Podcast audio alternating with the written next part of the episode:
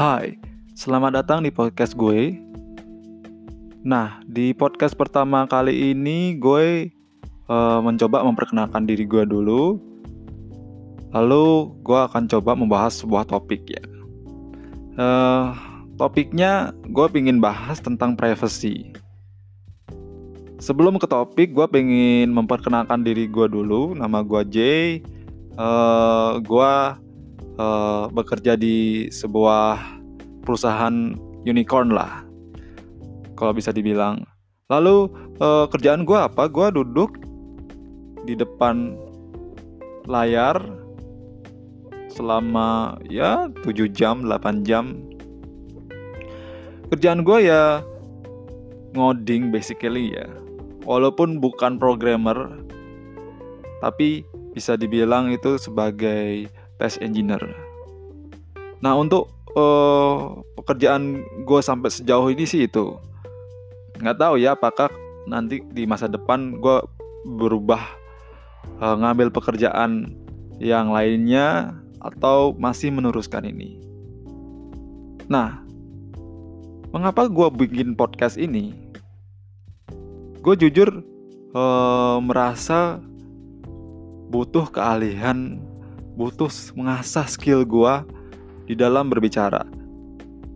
Nah, gue butuh uh, bagaimana sih ngobrol secara lancar, secara halus, nggak ada tersendat-sendat.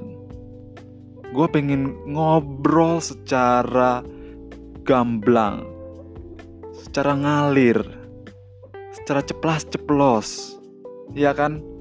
Uh, kalau gue lihat kayak di radio di mana pun mereka udah terbiasa kan. Oh ngobrol ah bla bla bla habis itu lanjut lagi.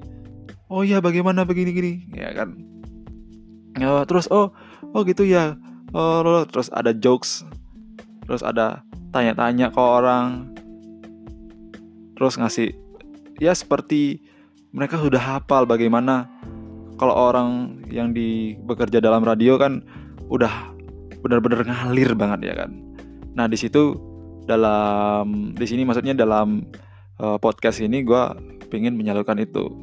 Nah semoga kalian yang mendengar bisa mendapatkan value dari podcast gue ini. Nah topik apa sih yang uh, pengen gue bahas? Nah karena gue uh, internet junkie seorang internet junkie yang seorang sosial media scroller. Ya gue sering banget kan scroll scroll di sosial media ya, di Instagram, Twitter, Facebook gitu ya kan. Ada satu isu yang pingin gue pingin bahas banget sini nah oh, kalau lu pernah lihat ada orang cerita tentang kehidupan tetangganya di sosial media. Menurut kalian itu uh, sesuatu yang wajar apa enggak sih? Oke, itu yang pertama. Apakah itu baik apa enggak sih?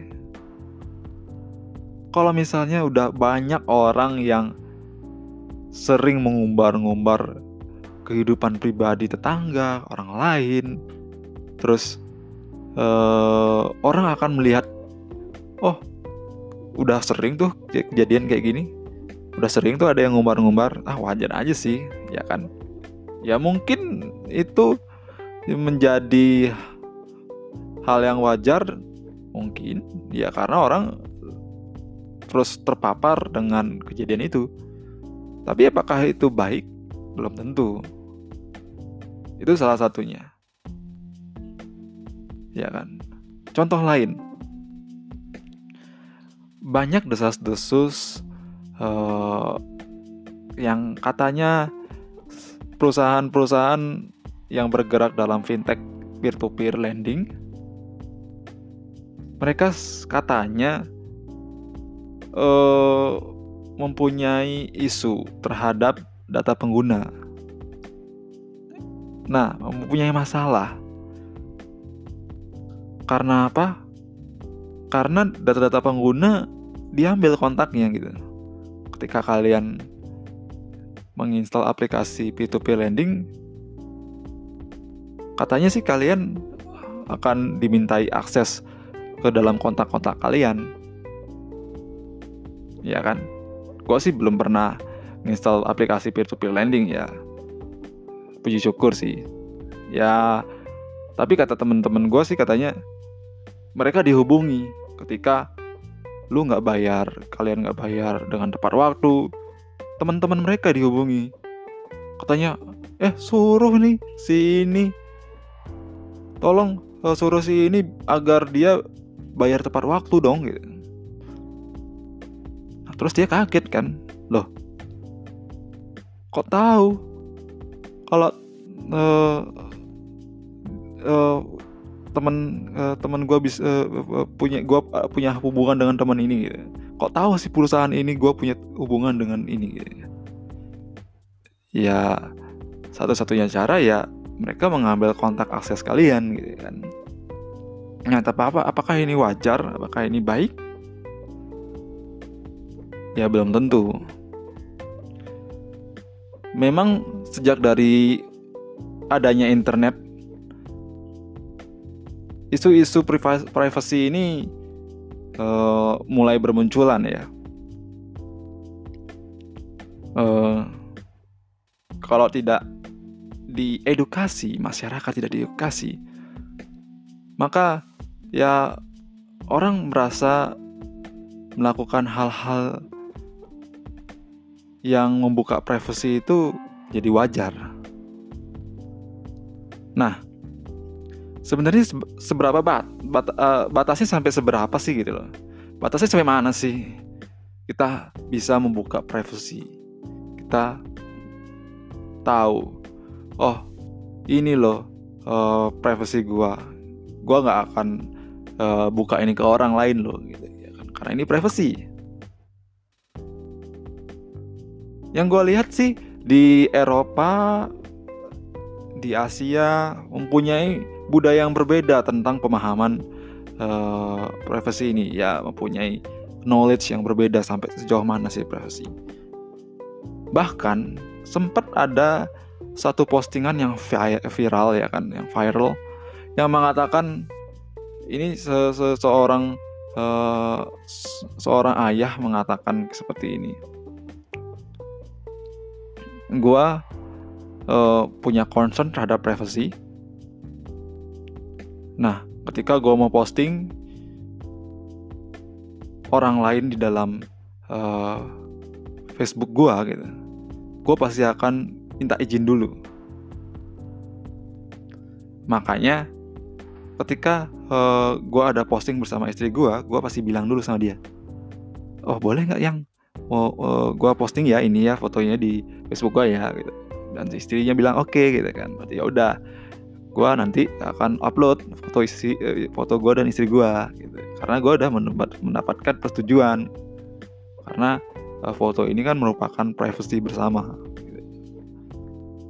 maka dari itu mungkin kalau kalian lihat kalian mungkin nggak akan melihat foto anak gue gitu ya kan. Karena itu privasi dia. Loh itu kan uh, adalah foto dia. Harusnya uh, dia dong yang uh, berhak untuk uh, tahu apakah foto dia akan digunakan untuk apa ya kan? Nah tapi kan dia masih kecil dia kan nggak ada persetujuan. Makanya gue sangat menghargai hak anak gue gitu ya kan. Makanya gue nggak mau uh, mengekspos anak gue karena ini masalah privasi sampai dia udah besar sampai dia dia mengerti privasi dan dia setuju bahwa fotonya dia akan diekspos di dalam Facebook gue baru gue akan upload foto anak gue di Facebook gue nah menurut kalian gimana itu ini menarik sekali ya kan Bahkan ayahnya pun tidak mau memposting foto anaknya yang masih bayi. Karena dia sangat concern dengan privacy individual. Mungkin kalian yang mungkin sudah punya anak berpikir bahwa lah ini anak gua juga gitu ya kan. Terus ya dia cuma foto biasa aja gitu ya kan. Uh, terus apa masalahnya sih gitu ya kan? ya mungkin aja itu kalian pikir uh, hal yang wajar karena karena uh, yang kalian posting itu tidak bersifat uh, menyakiti orang, tidak bersifat uh, apa istilahnya pornografik yang yang melanggar aturan ya kan. Tapi yang ayahnya ini lakukan, si ayah ini lakukan adalah memang mengetahui uh, posting foto berdasarkan izin berdasarkan hak apa konsen ya kan atas kesadaran gitu ya kan agar apa? Agar nantinya anaknya kalau misalnya udah dewasa dan dia ternyata tidak suka dengan postingan ayahnya aduh papa aku nggak suka loh uh, aku uh, diposting seperti itu aku dipajang foto kecilku seperti itu yang sedang nangis aku gak suka loh papa nah kalau udah sampai seperti itu gimana ya kan? Nah itu kembali lagi kepada masing-masing individu. Tapi itu hal yang baik sebenarnya. Karena uh, privacy sebagai hak udah uh, udah di apa istilahnya uh, udah direspek, udah dihargai. Jadi hak privasi anaknya udah dihargai sejak dari kecil. Oke. Okay. Nah, kalau di Indonesia gimana sih? Wah, di Indonesia screenshot screenshot dipamerin ya kan wah dia lagi ini ini ini dipamerin Twitter ada yang julid nih julid oh dia ternyata begini gini gini gini gitu kan drama sampai retweet retweet puluhan ribu retweet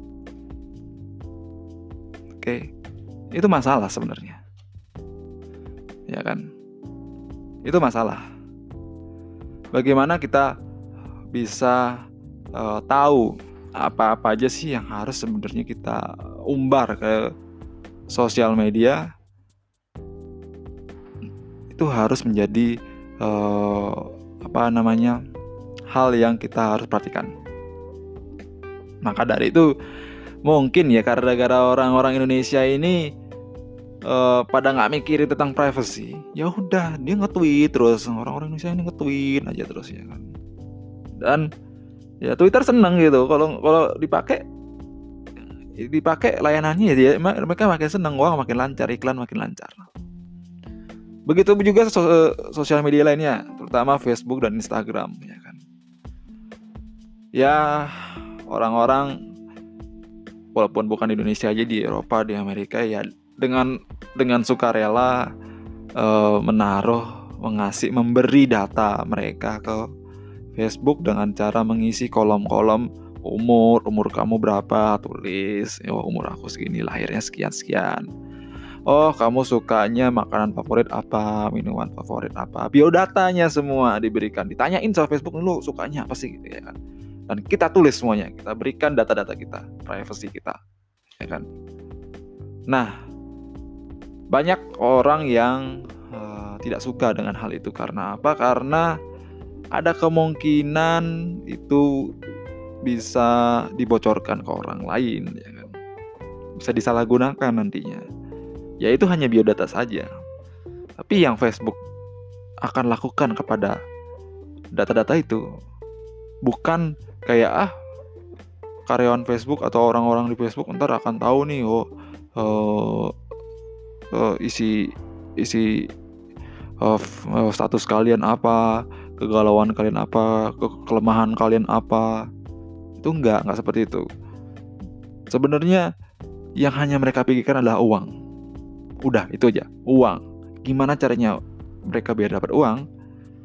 Mereka akan ngambil data-data kalian, gitu ya kan, berdasarkan umur, makanan kesukaan, ini ini itu, gitu kan. Nanti mereka akan sediakan platform iklan di mana orang-orang yang iklan bisa mengiklankan sesuai dengan uh, target audiens mereka. Contoh, oh, ada beberapa puluh ribu orang suka anjing. Lalu mereka nge-like sebuah page yang bernama Dog Lovers. Nah, ada perusahaan yang ingin mengiklankan uh, produk mereka, yaitu perusahaan penjual makanan anjing. Nah, agar iklan mereka tertarget, maka dibutuhkanlah sebuah segmentasi di mana Facebook bisa memberikan segmentasi itu. Nih, ada orang loh yang sekiranya uh, pemilik anjing karena mereka apa? Karena mereka melike Facebook like page-nya Facebook page-nya uh, dog lover gitu ya kan. Nah, itulah yang dicari oleh Facebook semakin banyak data yang dikirimkan ke Facebook, semakin terbukalah privasi Anda, privasi lo, privasi kalian. Semakin senang Facebook, semakin kaya Facebook. Ya orang-orang eh, semakin uh, berinteraksi, semakin uh, senang dengan gitu semakin banyak likes semakin banyak komen semakin terfulfill lah terpenuhilah ego mereka nah apabila coba misalnya gini. Apabila tiba-tiba orang-orang yang uh, sering dapat ribuan likes ribuan komen tiba-tiba postingan mereka nggak ada yang likes atau cuma belasan aja yang likes pasti mereka bingung gitu pasti mereka kaget kan. Oh likes gue kenapa turun kayak gini? Gitu kan. Mereka udah terbiasa dipuja-puja diiming-imingi bukan diiming-imingi di terpapar oleh likes yang banyak gitu ya kan mereka mendapatkan uh, afeksi uh, pujian-pujian di dalam postingan mereka. Dalam Instagram, "Hei cantik. Waduh cantik sekali ya sis." Aduh mau dong sis. Aduh gantengnya, aduh pangeranku gitu kan. Udah sering banget mendapatkan pujian-pujian seperti itu ya kan. Sehingga itu pun bisa menjadi kecanduan. Dan mereka akan sering posting lagi, posting lagi, posting lagi agar apa? Agar likes-nya semakin banyak. Agar followersnya makin banyak, agar duitnya juga makin banyak. Kalau uh, ngendor sesuatu ya kan, hmm, wah followers gue udah sekian puluh ribu nih, lu bayar sekian dong, wah follower gue udah jutaan nih, bayar sekian dong, lebih gede lagi dong. Oke, nah uh, kembali lagi ke privacy, patut perlu dipikirkan kembali untuk mengisi data-data itu ketika sosial media memintanya. Ketika Facebook minta ini, minta itu ya kan. Kalau kalian gabut mungkin dianjurkan untuk coba melihat uh, data privacy, privacy terms-nya. Nah, itu ada kebijakan privacy, kebijakan privasi namanya. Silakan dibaca. Siapa tahu nanti kalau ada kendala-kendala masalah privacy yang dibawa ke hukum, nah itu bisa kalian paham, oh Facebook udah sampai sini loh batasnya gitu. Twitter sampai sini loh batasnya gitu. Kalau memang misalnya kebijakannya bisa kita pakai untuk masalah hukum, nah itu bisa kita pakai provide kebijakan mereka. Oke. Okay? Lalu eh, masalah-masalah privasi yang biasanya orang-orang umbar, privasi orang lain gitu. Misalnya, misalnya tetangga deh gitu. Oke. Okay. Gue berantem nih sama tetangga gitu kan. Gue berantem nih sama tetangga di chatting gitu, di chatting lah gitu. Ini ada screenshotannya di chatting gitu. Okay. Dan gue nggak seneng gitu entah kenapa orang-orang Indonesia itu seneng banget untuk nih gue sebarin nih gitu biar orang lain tahu nih gitu ya kan dengan bangga gitu gue lagi berdrama dengan tetangga gue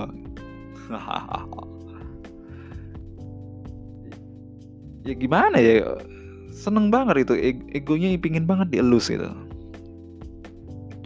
Apa sih yang pengen dicapai dari menyebarkan drama pertengkaran dengan tetangga di sosial media? Apa sih?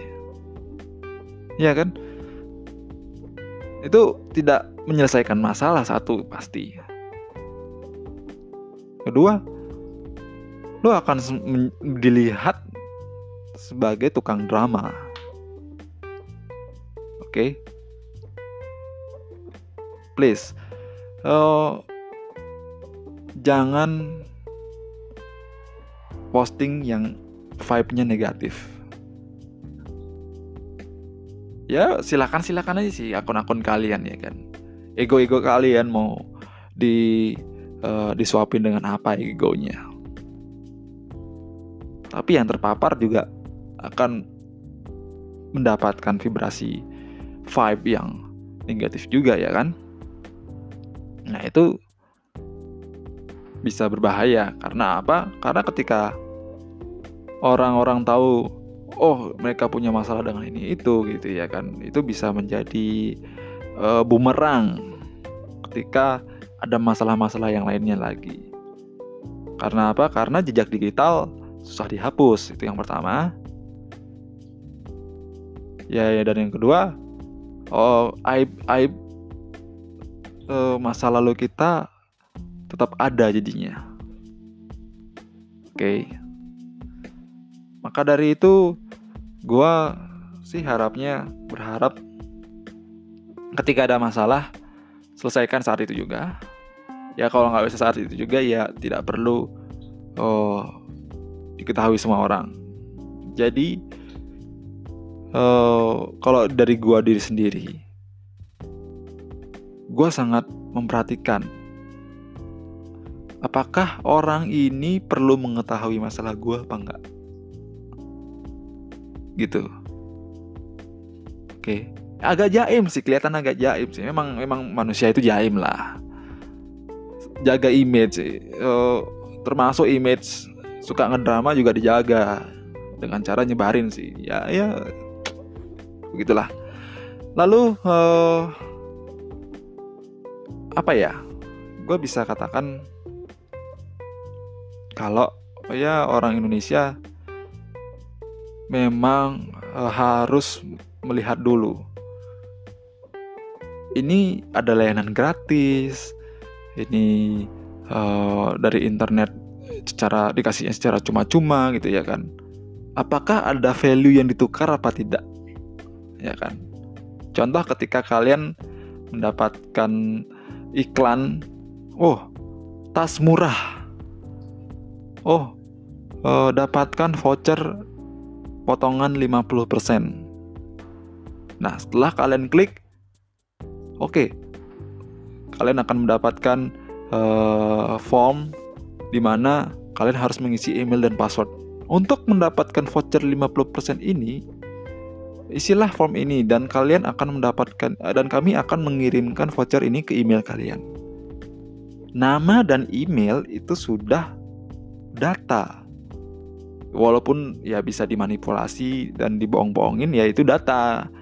Jadi ada pertukaran value yaitu kita ngasih nama dan email ditukar value-nya dengan voucher 50% oke. Nah tentu saja eh, ketika kita mengisi data ataupun menginstal aplikasi memang sebaiknya dilihat apakah aplikasi ini layak, layak untuk mendapatkan data kita apa enggak. Sebagai contohnya, aplikasi Twitter, apakah memang uh, menurut kalian Twitter tuh layak apa enggak untuk bisa untuk bisa mengakses uh, eh, GPS kalian contohnya. Oh ya kalau kalian sering geotagging atau posting dengan uh, apa istilahnya tag-tag uh, lokasi ya boleh saja. Tapi kalau tidak itu akan lebih baik dimatikan saja. Oke. Okay? Itu salah, salah, salah satu contohnya. Nanti mungkin kalian bisa coba review lagi di aplikasi kalian. Kalian buka setting aplikasi kalian satu-satu kalau kalian lagi gabut dan matikan permission-permission yang kiranya nggak dibutuhkan lagi lah di untuk aplikasi satu ini. Oke. Okay? Nah, ada lagi nggak yang lainnya? Untuk privacy kali ini, gue kira cukup sih. Oke, sekian dari gue. Sampai jumpa di podcast selanjutnya.